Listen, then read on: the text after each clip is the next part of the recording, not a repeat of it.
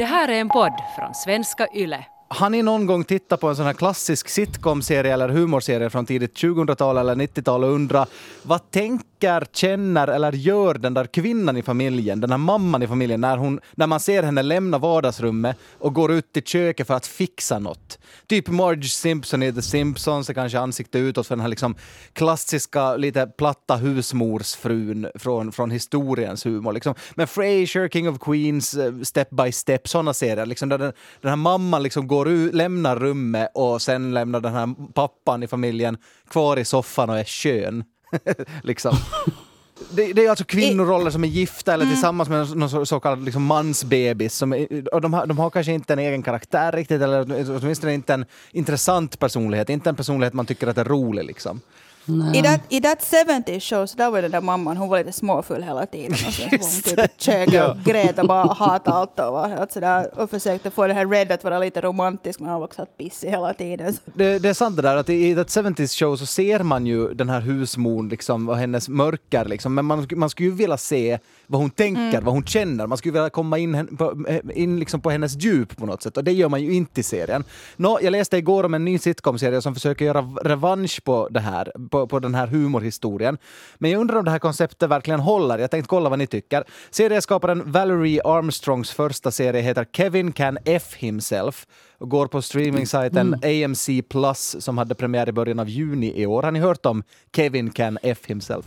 Nej, men Nej. det låter bra. Alltså det, det, är en väldigt konceptuell serie. Som tittare ser man liksom fysiskt två olika bilder av storyn. En del av serien är filmad helt som en klassisk sitcom. Det är burkskratt, ha ha ha ha, fler kameror från ett vardagsrum där mannen i huset, Kevin, sitter då en idiot eller mansbebis i soffan. Jag har bara sett trailern, men det verkar så. Det, det, det har liksom marknadsförts så här. Och han drar typ olämpliga skämt och så här. Och, och, och så kommer det en granne in som är fumlig och konstig och de bara hela, den, hela den stereotypen liksom. Men sen en annan del av serien så är filmad med bara en kamera. Det liksom helt byter perspektiv. Och det är då när frun i huset, Allison, som är huvudkaraktären, när hon lämnar, när, när hon lämnar vardagsrummet, typ för, för, för att gå till väg, iväg till köket eller till liksom, ja, men någon annanstans i huset. Och då filmas bara henne och det, och det är där det går upp för henne. Hon hatar sin man. Hon vill typ slå ihjäl honom. Uh, och, och, man, och man, liksom, man, man, får följa med hennes utvecklingskurva liksom, på ett sätt som man inte fick i de här gamla serierna. Uh, så en, en, väldigt så här intim uh, bild av A Allison. Då. Hur tycker ni det här låter? Låter det bajsnödigt eller nyskapande? Jag tycker det ja, alltså jag, låter riktigt jobbigt. ja, jag tycker också att det låter jättejobbigt. Man, man är ju sådär, men skilj dig då. Att vad är det för liksom point att nu stå ut med sån här shit? Det, det, ja, nej, det kan nej. ju vara att hon gör det. Jag vet, jag vet inte, jag har inte som sagt sett serien. Det kan ju vara att hon dödar honom eller skiljer men, sig. Men, ja, men det, där, det här är också lite sådär att ja, men nu gör vi en serie och sådär ett par som då tydligen har jättedålig kommunikation och så ska vi... Nej, jag vet. Ja, och sen känns det också lite sådär som någonting som typ en gymnasieelev som har tagit en kurs filosofi och typ har rökt en spliff säger bara Hur skulle det vara om vi skulle göra en serie där man skulle som samtidigt se den här kvinnans här liksom, äh, det känns ja. lite obearbetat. Och sen liksom två perspektiv, ja det är sant. Eh, jag läste en artikel i, eh, i Variety där serieskaparen Armstrong säger att vi försökte försöka göra en sitcom som är rolig i sig och, och också på sin egen bekostnad. Men, men vi kommer alltid försöka få dig att skratta trots det. I sista avsnittet, när det är som mörkast, känns det som att skratta på en begravning. Slutcitat. Jag, jag, jag måste, jag, jag, tänkte genast när jag hörde om det här konceptet oh. att liksom, om, om, om målet är att begrava den här liksom ojämställda, liksom den här sexistiska eller bara liksom trötta eh, familjen eller den här liksom relationen som har porträtterats i så många humorserier. De här liksom stereotyperna. Eh, eh, kanske det är fel väg att gå att, att, att förstärka dem igen. liksom, det, det, här, det, hjälper inte att de mm. har ett metaperspektiv. Ändå ska vi ju se på en ny serie där Kevin sitter och är skön i en soffa. Jag vet jag, jag orkar inte riktigt, jag vet inte om jag riktigt orkar, eller jag vet jag, jag borde kanske se serien innan jag uttalar mig, men, men säger det kanske någonting om hur trött man är på de här gamla dammiga sitcomsen, att man inte ens orkar liksom riktigt ta till sig det här konceptet inte heller.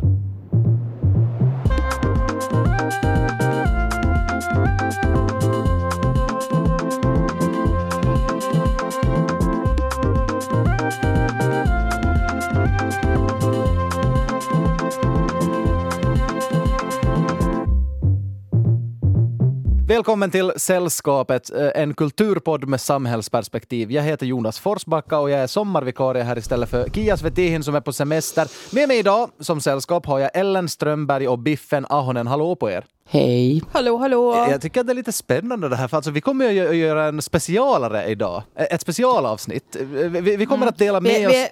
vi, vi, vi, we are going rogue. Det är liksom när, när katten är borta eh, Eh, dansar råttorna på bordet? Är det- är det så uttrycket går? Om det är jag och Biffen som är råttorna så är det väl så uttrycket går. Ja, vi kommer göra en special av det idag i alla fall. Vi kommer, att dela, med- vi kommer att dela med oss av några av de bästa och sämsta grejerna som vi har konsumerat i kulturväg under sommaren eh, som, som, som gått och vi kommer att snacka om några av sommarens trender och blicka framåt mot hösten. Vad kommer vara inne då? Eh, men jag kommer alltså inte att fråga er vad ni kommer snacka om idag utan jag säger istället Ellen, vill du börja med en första spaning? Det vill jag. Jag har då liksom eh, försöka la, laga i punkter lite sådär sommarens små hållplatser eller vad jag ska säga. Och jag tänkte att jag skulle börja med sommarens tv-serie som jag vill utnämna till. Ni vet ju att jag gillar tonårsserier Ja. och, nu är jag, och jag Ah, gillar också ja. kungligheter. Och när jag såg att det fanns en serie som hette Young Royals på Netflix så blev jag ju ganska sådär Eh, nu vet de nog exakt vad jag vill ha. Du, du skrek. Eh, nej, jag skrek inte. Faktiskt så var jag sådär, hmm, ja det här ser ju lite bekant ut. Eller inte bekant, det här ser väl lite spännande ut. Men sen så började jag liksom, det började liksom som ett litet sån här som ett hot i horisonten att mina kompisar och mina bekanta börjar alla liksom säga så här, hej har du sett det här Young Royals? Du kanske skulle se det här Young Royals. Det är ganska bra det här Young Roy- Royals. Ehm, men det, så det tog en stund för mig och faktiskt, jag vet inte, på, ibland så kan jag liksom drabbas av en sån här låsning om det är någonting som verkligen känns som att det verkligen talar till mig och att det här är verkligen min grej. Så då kan jag bli sådär, ah, typ, nej jag vet inte om jag vill se på det. Intressant, vad, vad beror det på? Jag, jag, Jag har helt inte. samma, jag har helt samma. Jag har aldrig till exempel sett serien Lost av den här anledningen. Okej. Ja. Okej. Ja, nej men så såg jag då Young Royals och eh, jag ska vara helt ärlig, jag har inte sett alla avsnitt ännu när jag pratar om det här. Men jag tycker att jag kan redan nu eh, nog rekommendera det och säga att det är sommarens tv-serie.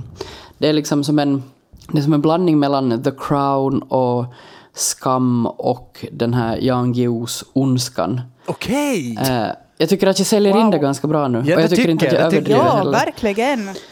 Alltså det är en svensk serie och det är skriven av en Lisa Ambjörn eh, som jag tror att vi ska hålla ögonen på för att hon verkar ha liksom, hon verkar vara ganska i ropet just nu och har skrivit bland annat den här kortserien den här sommaren 85 som kom förra sommaren om någon såg den.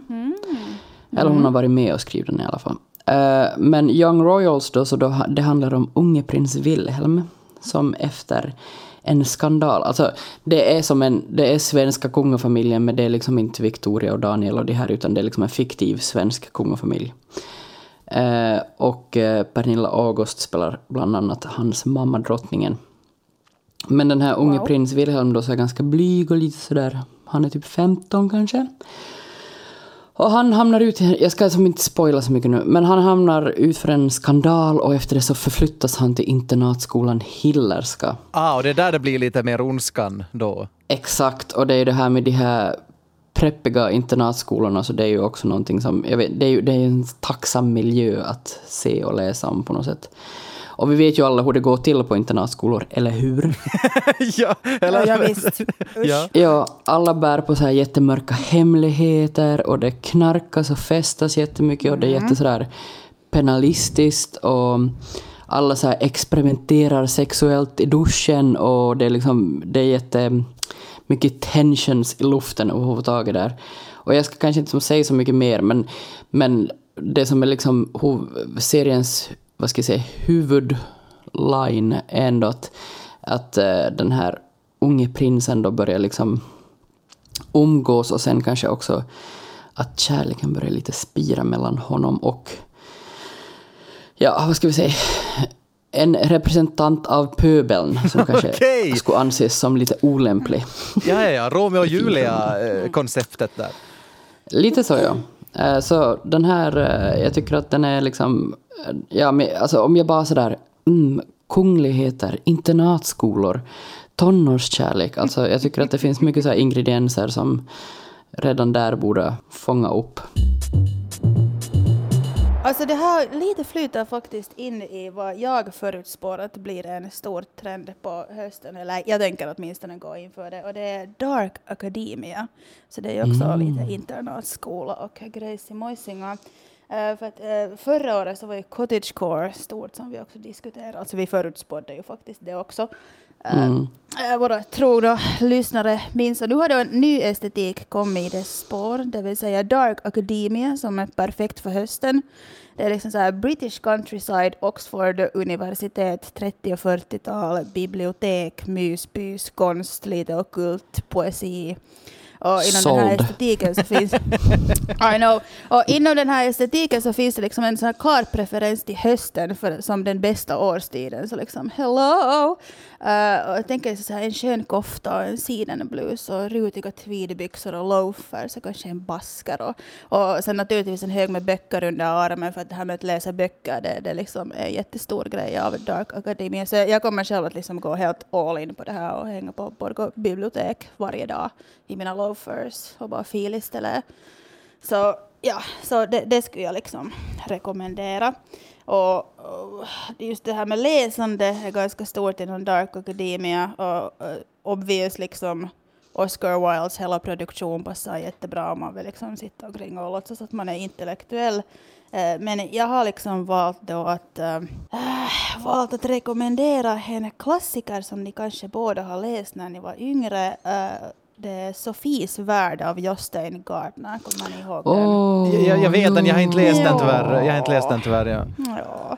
Det, Det den- fanns den också som liksom- datorspel. Jag hade Sofies Ja. värld som dator. Det säger väl ja, kanske lite om hur ja. fartfylld jag är, men I, Ja. I know, I know. Men jag, jag älskar den boken när den kom ut. Den har kommit ut typ början av 90-talet, slutet av 80-talet, något sånt. Vet, Jag var i skolan när den kom ut och den handlar om 14-åriga Sofie som börjar få sådana mystiska brev av en filosof. Det här första brevet vill jag minnas att där står bara att vem är du? Och sen så börjar hon fundera på sin existens genom filosofiska frågor och filosofins historia. Och den, den är bara liksom jätte, jätte, jättebra. Och den är skriven som metalitteratur. Men tyvärr kan jag inte förklara mer vad det innebär för att då spoilar jag Ah, den det. här boken. Men, men, får, jag- får, får jag, alla måste bara läsa den. men får jag vara kusinen från landet så här bara, då du pratar om äh, Dark Academia, alltså, är det, alltså vem är det som har, vem har hittat på det här? Är det liksom sociala medier som har skapat den Men det här är ju subkulturen? TikTok som vanligt. Okej, ja, just det. Mm. Och, och, och, och, innebär det i praktiken att alla kommer gå klädd som Snape från Harry Potter på, på hösten? Jo! Alltså, jag hoppas det. Jag Ja, det- det är hoppas så, det är också en otroligt sympatisk Ja. trend. Det är Ja, den typen av ja. kläder, liksom Ja. svarta långa kappor, intellektuell lite- ja. feeling. Ja. Ja, lite sådär konsthistoria och liksom mycket läsande och, och lära sig och man ska skriva. Och, Det, det blir och inne att lära sig.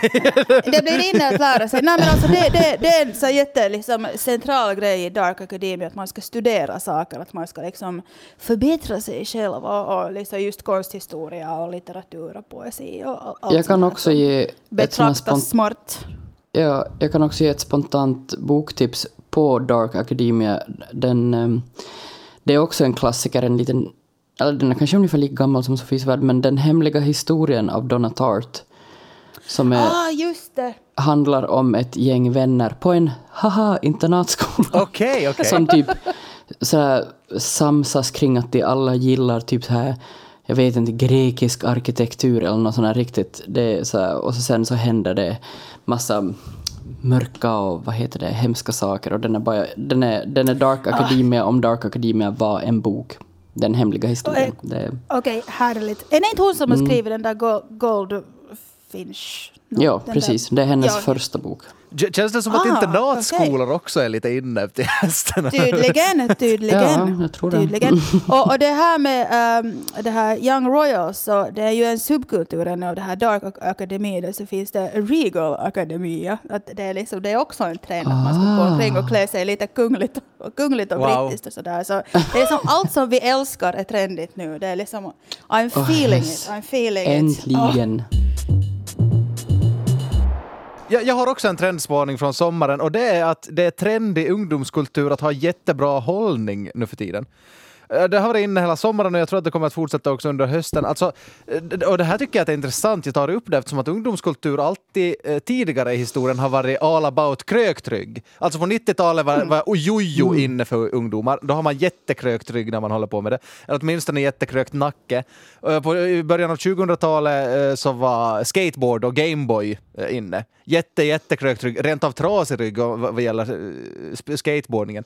En massa miss, misslyckade kickflips och så vidare. På Tiotalet smarttelefoner såklart och så, och så vidare. Men, men 2021 alltså, alla unga åker ju runt på sådana här elsparkcyklar, vilket man inte kan göra utan att ha en jätterak rygg. Alltså liksom, har ni någon gång sett en tonåring åka runt på en sån utan att se ut som en liksom furste?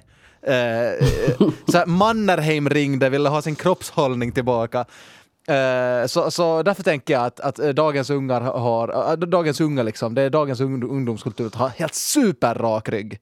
Eh, vilket jag Det var här är en sån här, spännande. det är en sån här grej som lärare alltid har sagt att liksom sträck på dig. Nu har det hänt, nu har, nu har de alla sträckt på sig.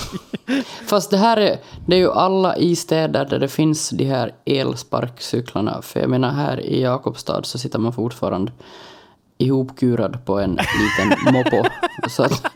Man Samma här vill- i Borgå, Aj, God. Okej, det är en sån, det är en sån liksom, ja, okej, det, det, ja. Ja. det gäller... Men- det gäller Men, men jag tror dig ändå för att jag tycker också att det finns en... Eh, jag satt igår och pratade med en kompis i min bil, så där vi var ute och kör, det man gör här. Och så var det ett gäng ungdomar som bara umgicks på gatan. Och jag vet inte, det här kanske var ett ovanligt, jag vet inte, dansant gäng eller någonting, men jag tyckte att de alla också så här förde sig på ett sådant sätt som vi inte gjorde när jag var ung. Nej, nej, okej. Så jag, jag tror nog ändå du är någonting på spåren, även fast inte el...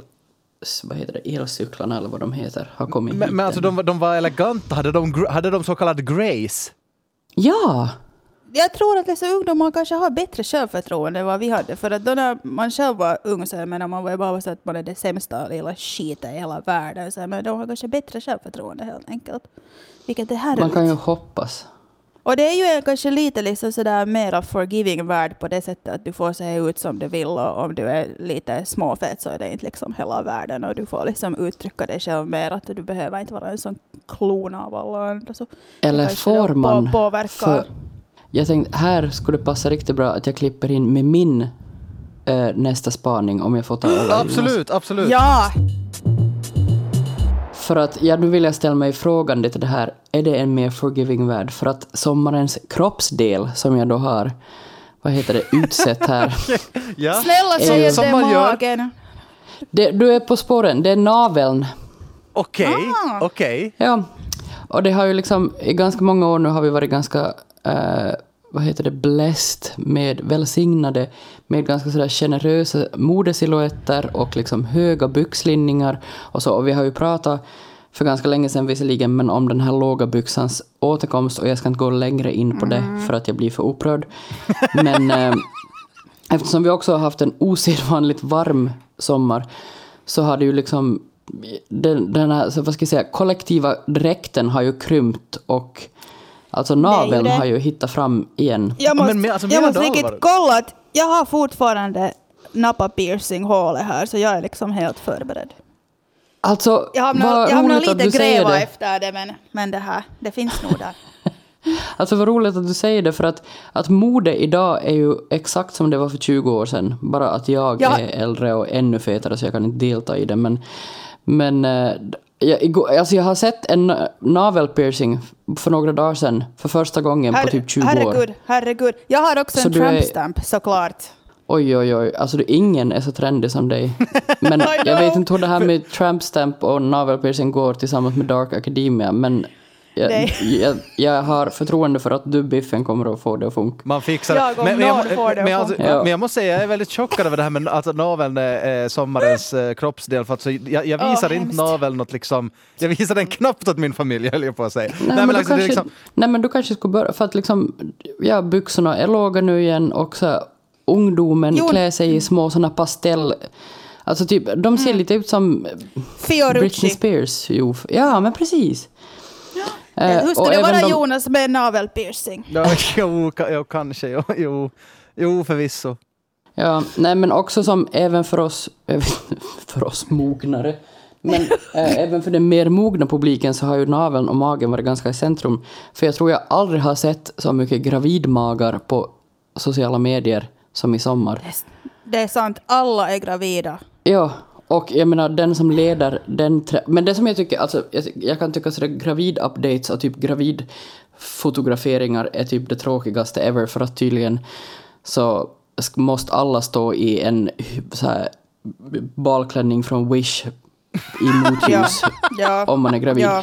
Men det där håller på att ändras för det...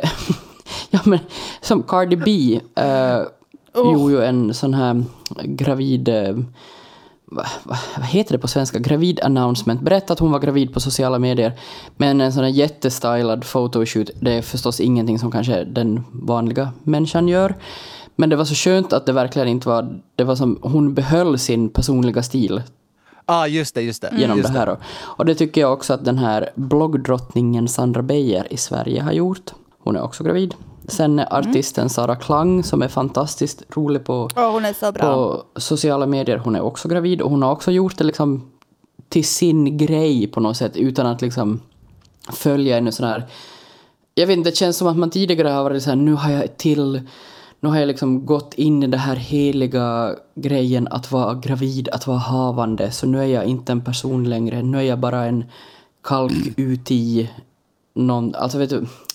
Ja, så det tycker jag är en trev, Det är liksom en sån här twist på naveltrenden som jag uppskattar, den här liksom personliga graviditeten. Just det. Ja, ja, Så, ja. ja. Mm. Så navelpiercing eller ett foster inom, innanför naveln, det är liksom... Precis. Ja, alltså det här med, med att Ellen förutspår saker, så det, jag tycker att det har liksom blivit redan en liten grej här i sällskapet. Och nu liksom kan det vara att The Kardashians också lyssnar på sällskapet och på Ellens spådomar. Uh, för att det ryktas ju nu att Kourtney Kardashian skulle ha förlovat sig med Blink 182-rockaren Travis Barker och då vet vi vad det innebär. Det vill säga punkrockens återkomst som Ellen redan har förutspått några episoder sedan. Ja, var, det, var Men- det i samband med att, den här, att Italien vann Eurovision och det fanns en sån här... Det Liksom, var absolut, före det. Det var före- Det var före det. Det var före det. Ja, ja. Det, det är liksom månader sedan. Det är så jättelänge sedan så Ellen visste att det här kommer. Eh, men jag, jag är lite mot strömmen nu när det gäller det här att vad jag tänker lyssna på nu på hösten. Så jag tänker lyssna mycket på 70-talsmusik. Men jag tror att det är kanske lite lipa där också för att det är ganska mycket rock och sånt. Eh, och så ska jag lyssna på klassiskt för det är ju lite som det här Dark Academia-viben då. Eh, så jag ska lyssna på Kate Bush och på Leonard Cohen och Barbara Streisand och Fleetwood Mac. Det, det, alla vet ju att Stevie Nicks är en vickohäxa så det passar också jättebra. Eh, det är sådär höstmys. Och sen klassisk musik är bra, lite Schubert och Beethoven när det rasslar i löven. Och så kan man liksom lite drömma om att åka till Wien sen när man får resa igen. Och eftersom jag är jättenidig så har jag gjort en höstmys-spellista som vi kommer att dela Yes! i länkarna. Yes! Lite sådär Dark Academia-vibes med Oj, vad bra. 70-talsinfluenser. Ja, Är det klassisk musik på den då? absolut. Jag gillar liksom klassisk musik men jag känner mig alltid som en seriemördare när jag lyssnar på klassisk musik. Men jag Jag tänker om med, det är en med. sån här Ja, playlist så ja. kanske det går bra.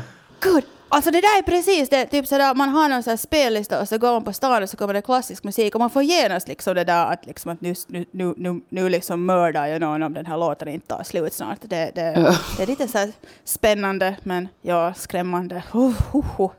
Ja, men anyway, så vi har en sån här massmördarlista då som vi delar ut. Du bytte namn från höst, höstmyslista till massmördarlista just. Potato, potato. Okej. Ja, visst, visst. Eh, det, det här- är inte på något sätt min egen spaning, men, men det, det är en så intressant grej jag hörde i en podd så jag måste bara liksom lyfta upp det här nu. Alltså jag såg filmen Cruella på Disney Plus här i, i, i förrgår. Har ni sett den här eh, filmen? Nej.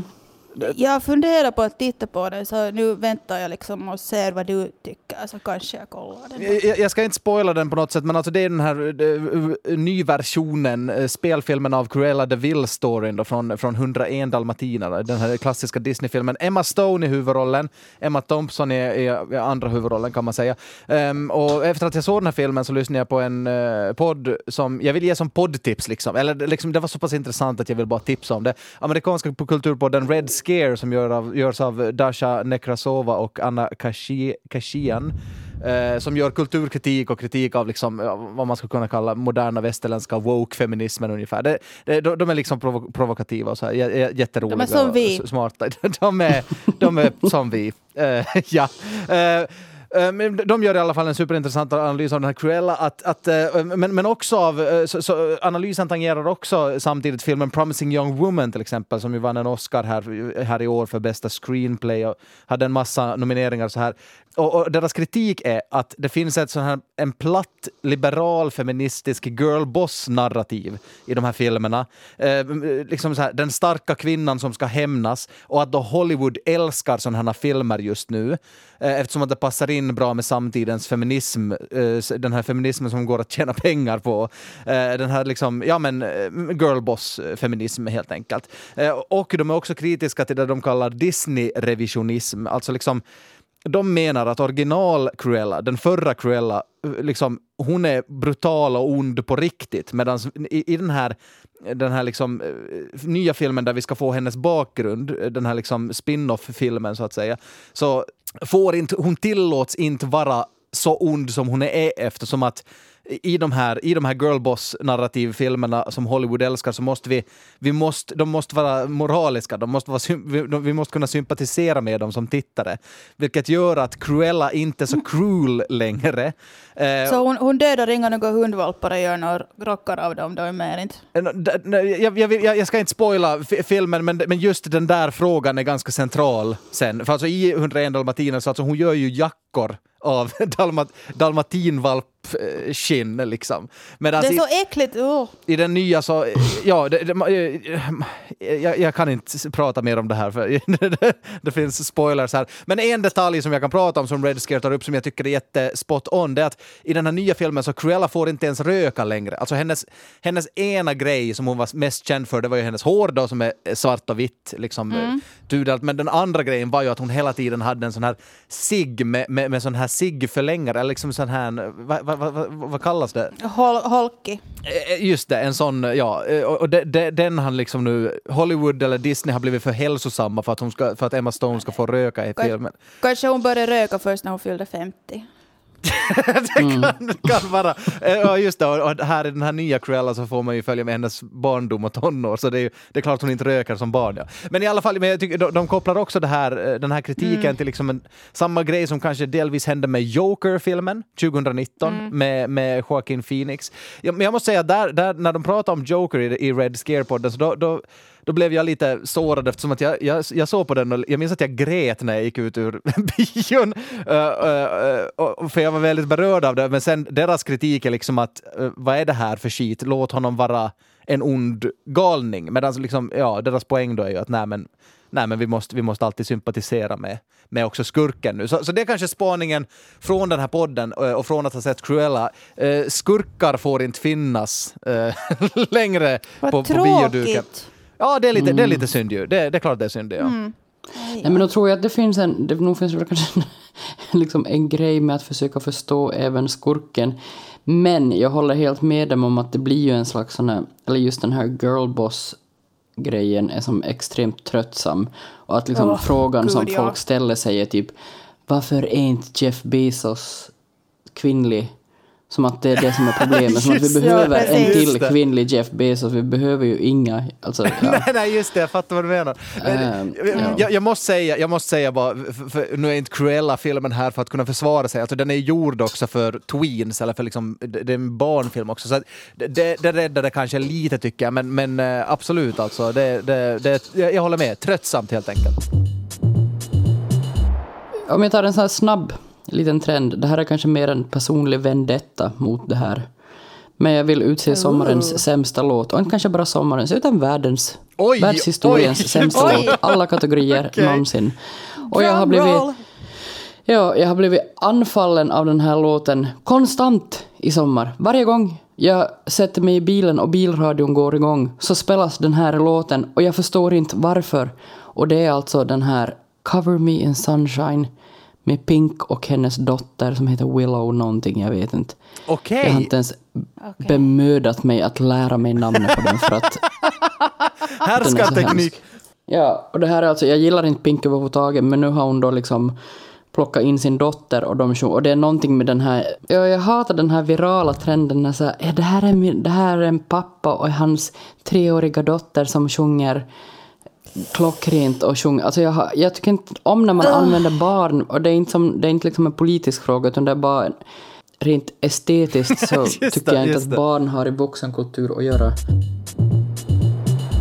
Jag funderar på att ifall eh, ett, ett liksom mainstreamt sätt att konsumera nyheter och opinionstexter för en bred massa kommer att bli eh, nyhetsbreven nu på riktigt. Det har ju snackats, eh, åtminstone i mediesvängar har det snackats om de här nyhetsbreven ett tag, eller åtminstone, det har snackats åtminstone om sådana sajter där liksom, eh, som, som inte renodlade nyhetssajter, att liksom HBL har alla sina artiklar på ett, ett och samma ställe och dit går man, utan att man kan gå till en sajt där en massa olika nyheter nyhetsmediers artiklar är samlade. Eh, ett slags Spotify för för medier. Det här har varit liksom en sån här grej som man har snackat om en hel del. Men jag vet inte, åtminstone jag har liksom inte kommit in i en sån mediekultur ännu att jag skulle liksom använda mig av såna. Eh, jag har liksom mina, jag har mina liksom vattenhål som jag alltid vänder mig till. Mina liksom nyhetsmedier jag, jag litar på, sen, sen eh, that's that. Men jag undrar om inte nyhetsbreven kommer att bli eh, breaka ännu bredare i år. Va, va, vad tror ni? Prenumererar ni på nyhetsbrev? Jag tror att jag prenumererar på ett par, men jag tror det får direkt i skräpkorgen, så jag tror inte så mycket på nyhetsbreven. Men det här med att få liksom en sån här... Däremot så har jag min, eh, min goda vän och bloggkollega Peppe Öhman, så hon brukar sammanställa, eh, nu vet jag inte hur aktiv hon har varit i sommar, men hon brukar sammanställa en lista med som, eh, länkar till olika intressanta artiklar hon har läst varje vecka, varje fredag tror jag det, är, på hennes blogg. Och det är ju ett slags nyhetsbrev, där bara det att det inte kommer till min mailinkorg så att jag kan ignorera det där. Utan jag faktiskt aktivt söker upp det. Och eh, det kan ju vara ett sånt här spontant minitips faktiskt. Att det är kanske inte så mycket nyheter men mer typ sådär essäer och think pieces och så. Men, men, intressant att du säger det, för att jag följer också, eh, eh, alltså, eh, jag, är inte själv liksom nyhetsbrevsbiten ännu, så jag- det är därför jag ställer mig lite så här, ja men jag är inte helt säker på att det kommer att breaka, men jag, om det ska breaka så kan det börja göra det nu, tänker jag mig. Men, men jag följer bara ett nyhetsbrev och det är, det är, det är samma koncept alltså. Det, det är HBL-journalisten Laura Klingberg som, som skriver på Substack. Eh, och hon tipsade också om dem, alltså hon, hon konsumerar ju, eftersom hon är journalist så konsumerar hon liksom ett extremt eh, stort antal artiklar varje vecka. Och hon tipsar om de bästa då från veckan. Eh, hennes hennes eh, brev heter Irrevocable på Substack ifall man vill kolla upp det. Jag, jag, jag kan verkligen rekommendera det för alltså man får bra lästips d- där he- helt enkelt. Men alltså vad är Substack? jag, jag, jag tänkte faktiskt säga lite kort om Substack nu. Det, det är en sajt som startade 2017. Men först i år som jag, som jag tycker att det har börjat snackas ännu mer på det. Alltså det, det eh, jag läser i Financial Times att eh, den här sajten då mer än femdubbla antalet betalande läsare mellan mars 2020 och februari 2020, alltså under corona helt enkelt. Det, det, är, liksom, det är en sajt man kan gå till för att, för att leta upp eh, helt vanliga människor, journalister eller krönikörer eller liksom, ja, men artister eller vem som helst kan skriva ett nyhetsbrev och så kan man liksom prenumerera då på deras, på deras texter. Det, det är lite som är det lite som en bloggportal kanske, man skulle kunna kalla det. Men, men, men, Portalens återkomst. men, men det, det, det, som ju är grejen då, att man kan, man kan ha prenum- prenumerationslösning. Att man måste betala för att få de här, de här nyhetsbreven. Då. Eh, ett uppmärksammat fall, det här blir lite nörd, så här nyhetsnördigt nu, men ett uppmärksammat fall i Sverige i år var när Ivar Arpi Lappi startar rak höger, nyhetsbrevet. Han skriver om sam- namn i alla fall. Jättebra namn. Om samtidens mest brännande frågor utan filter eller skygglappar. Alltså han var ju ledarskribent för Svenska Dagbladet under jättemånga år och sen hoppade han ju på den här nystartade mediesatsningen Bulletin. Den här eh, eh, konservativa, eller var de konservativa? Och höger i alla fall. eh, Liksom, de, skulle liksom, de tog dit en massa högprofilerade namn till tidningen och sen blev det ju kaos där och så ja, han tvingades ta över som chefredaktör och sen slutade han. Blev ett totalt haveri och sen efter det så tänkte man så här, vad- kommer hända med honom? Han är ju liksom free agent nu på mediemarknaden i Sverige och det han gjorde Och det då- måste han ju älska, han som är så extremliberal. Ja, han ja. Han har liksom alla möjligheter, han kan bara välja. Vad roligt för honom. Nu, nu, nu kan han liksom, ja men nu, nu gör han sina eh, texter för de som vill ha dem. Jag vet, jag vet inte om han har prenumerationslösning, alltså jag tror att man kan prenumerera på dem, men jag tror faktiskt att man kan läsa hans texter också fast man inte prenumererar. Men eh, oavsett ifall nyhetsbrevet kommer att liksom slå igenom nu på bred front så funderar jag, liksom, det, här med, det här med att prenumerera för sitt innehåll, det eh, vill jag tänka bara en kort sekund kring. För alltså, eh, eh, min, min favoritpodd är ju då Stormens utveckling. Jag vet inte hur många gånger jag har varit i sällskapet och hänvisat till den podden. Det börjar kanske bli tröttsamt också, men, men i alla fall, de gick över till prenumerationsmodell i år. Och jag vet inte, det var det här, liksom, jag vet inte om jag har tänkt färdigt den här tanken, men alltså, jag vet inte om de har varit bättre än, på, än någonsin nu när de, när de är bakom betalvägg. Och det kan ju vara rent psykologiskt att man lyssnar, jag lyssnar mer aktivt på någonting som jag har betalat en summa för. Tror ni det ligger någonting i det? Och i så fall, är det, är det, är det eh, en jobbig grej som vi, vi som jobbar med gratispodd på public service borde tänka på? Eh, Eller eh, vad, vad tänker ni kring det? Lyssnar ni, läser ni eller lyssnar ni mer aktivt på någonting ni har betalat för? Jo, Nej, men- det, jag har nog inte någon skillnad. På sätt och vis kanske, men jag, man har ju också betalat för public service-saker, Jonas. man betalar ju skatt, faktiskt. Sant, sant, sant. Eh, ja, nej, jag har inte tänkt på det, men kanske li- jag har faktiskt också börjat pren- prenumerera på Stormens utveckling. Men jag har ju för sig inte läst, lyssnat på ett enda avsnitt sedan dess. Så att, Ah, du gör en sån Nej. vask, du gör en vaskning, poddvaskning. det, det, är den, det är den nya stekartrenden, att, att betala på en massa nyhetsbrev och poddar och inte läsa eller lyssna på ett enda. Exakt. Nej, jag blev bara så glad när, när jag hörde det här att Dark Academia är liksom trenden för hösten och jag håller helt med. Och jag, jag är också en sån där riktigt höstjunkie och jag tycker det är jätte, jätteskönt när sommaren är över. Eh, jag är bara gnällig och svettig konstant och sen kommer hösten som ett svalkande bad för hjärnan och man får liksom göra Ja. allt det som är roligast i livet, alltså läsa böcker, dricka rödvin, vara inomhus och typ ibland gå ut på en liten ruska promenad. Det är liksom, det är allt vad jag kräver av livet. Eh, Och just det här med att läsning då är stort inom Dark Academia gör mig ju också som, både som författare men också som eh, bokvän väldigt glad. Och jag tänkte utse sommarens bok som Okej, okej. man kan okej. ta som ett boktips för hösten om inte man har läst det i sommar. Och det här är liksom ett tvådelat tips för att om jag ska sådär rent objektivt eh, säga vilka böcker som jag tror är sommarens bok så är det eh, eller de böcker jag har sett oftast på Instagram fotograferade på en handduk på en brygga liksom i sommar. Så då är det Sockerormen av Karin Smirnoff och Vi röstar om vi saknar mamma av Nina Pascual. Och den här senare, den här Vi röstar om vi saknar mamma, den kan jag verkligen rekommendera. Den var jättebra. Sockerormen har inte hunnit läsa ännu. Ehm, men eh, så det är som de som kanske har synts mest i mitt flöde. Men mina personliga två största läsupplevelser i sommar så är faktiskt två böcker som passar riktigt bra in i Dark Academia. Den första heter Hamnet av Maggie O'Farrell. Och det handlar, alltså det utspelar sig på 1500-talet i England. Redan där är jag som Gud såld. vad det låter redan så bra. Oj, oj, oj, oj, oj, Ja, oj, och det är liksom... ja. Älskar medeltiden. Oh. Ja, och den är jätte, jätteväl skriven och den är bara jättebra. Den handlar om Shakespeares familj. Och den är liksom inte en... Det är som fortfarande en roman, men den är liksom bygg, eller den bygger på vad man nog tror har hänt i Shakespeares liv, typ. Och den är bara jätte, jätte, jättebra. Och han hade alltså en son som hette Hamnet som dog som barn. Och sen några år senare så skrev han då den här pjäsen Hamlet. Och Hamlet och Hamnet är tydligen samma namn enligt någon sån här fornengelska bla bla bla. Okej, okej. Ja. Eh, Så det här är jättebra. Och sen, eh, men de här två mina personliga läsupplevelser i sommar är kanske inte som på det sättet så aktuella. De här Sockerormen och Vi röstar om vi saknar mamma är sådana som har liksom kommit ut i vår. Eh, Men de här två har några år på nacken. Men det gör ju ingenting, för i Dark Academia så blickar vi ju tillbaka och ser på lite äldre också. Exakt. Och den bok som jag kanske har liksom, som har upptagit min hjärna mest i sommar, så den heter Station 11 av Emily St. James Mandel, heter hon. Och det handlar alltså om en, det utbryter en pandemi. Hmm, var har ni hört det här för? Det, det utbryter en pandemi som liksom ödelägger eh, hela jorden. Eh, och den liksom, typ i princip nästan alla dör.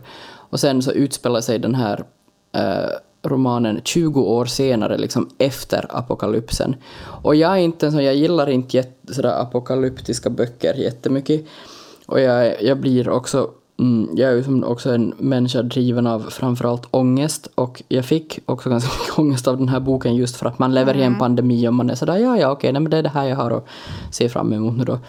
Eh, ja, men den är också bara, alltså den är helt, den är så, var så intressant och den var så otroligt, otroligt välskriven och liksom så både hoppingivande och tankeväckande och jag blev verkligen, det var nästan som en självhjälpsbok för jag blev verkligen så här, vad är viktigt i livet? Vad är viktigt för mig? Okej, Bla, okej. bla. Alltså, så Okej, den, bra. den, den, ja, även ni som hellre läser självhjälpsböcker, så alltså läs den. Den finns på svenska också. Jag tror att den kanske heter Station 11 där, alltså på svenska. Det här borde jag ju kanske veta, men jag har läst den på engelska. Men eh, jag vet att den finns på svenska. Men intressant att höra någon som har läst liksom, eh, någonting som har, som, som har med pandemi att göra. Eller, jag, jag reagerar Mm. instinktivt när jag hör så här, det, det, handlar om, ett- det handlar om ett virus som sprider sig. Då är jag så här bara, okej, thank you next, jag läser någonting Jag annat istället. nej, ja, ja, Äh, det, ja, det är ja, intressant alltså- att få det där att funka. Det tycker jag att är ett konststycke i sig, så här rent liksom marknadsföringsmässigt. Hur ska man få någon att läsa en sån här bok i, Ja, i den det- här tiden?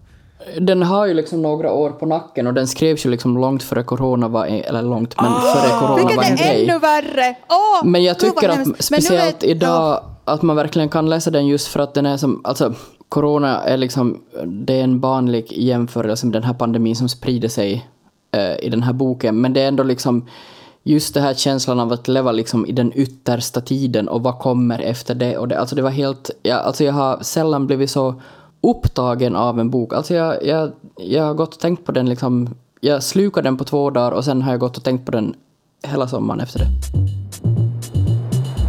Tack så mycket Ellen och Biffen för sällskapet den här veckan. Det här specialavsnittet. Eh, vi diskuterar jättegärna med dig som, som lyssnar på den här podden. Det är alltid så kul att få mejl från er. Eh, om ni vill så är det bara att skriva till oss på sällskapet yle.fi. Alla referenser, eller åtminstone några referenser, kommer du att hitta i avsnittsbeskrivningen på arenan. Eh, och nästa vecka kan jag berätta nyheter. Kia är tillbaka eh, från sin semester. Då sällskapar hon med Peter och Tuli. Tack och ha det så fint. Hej då!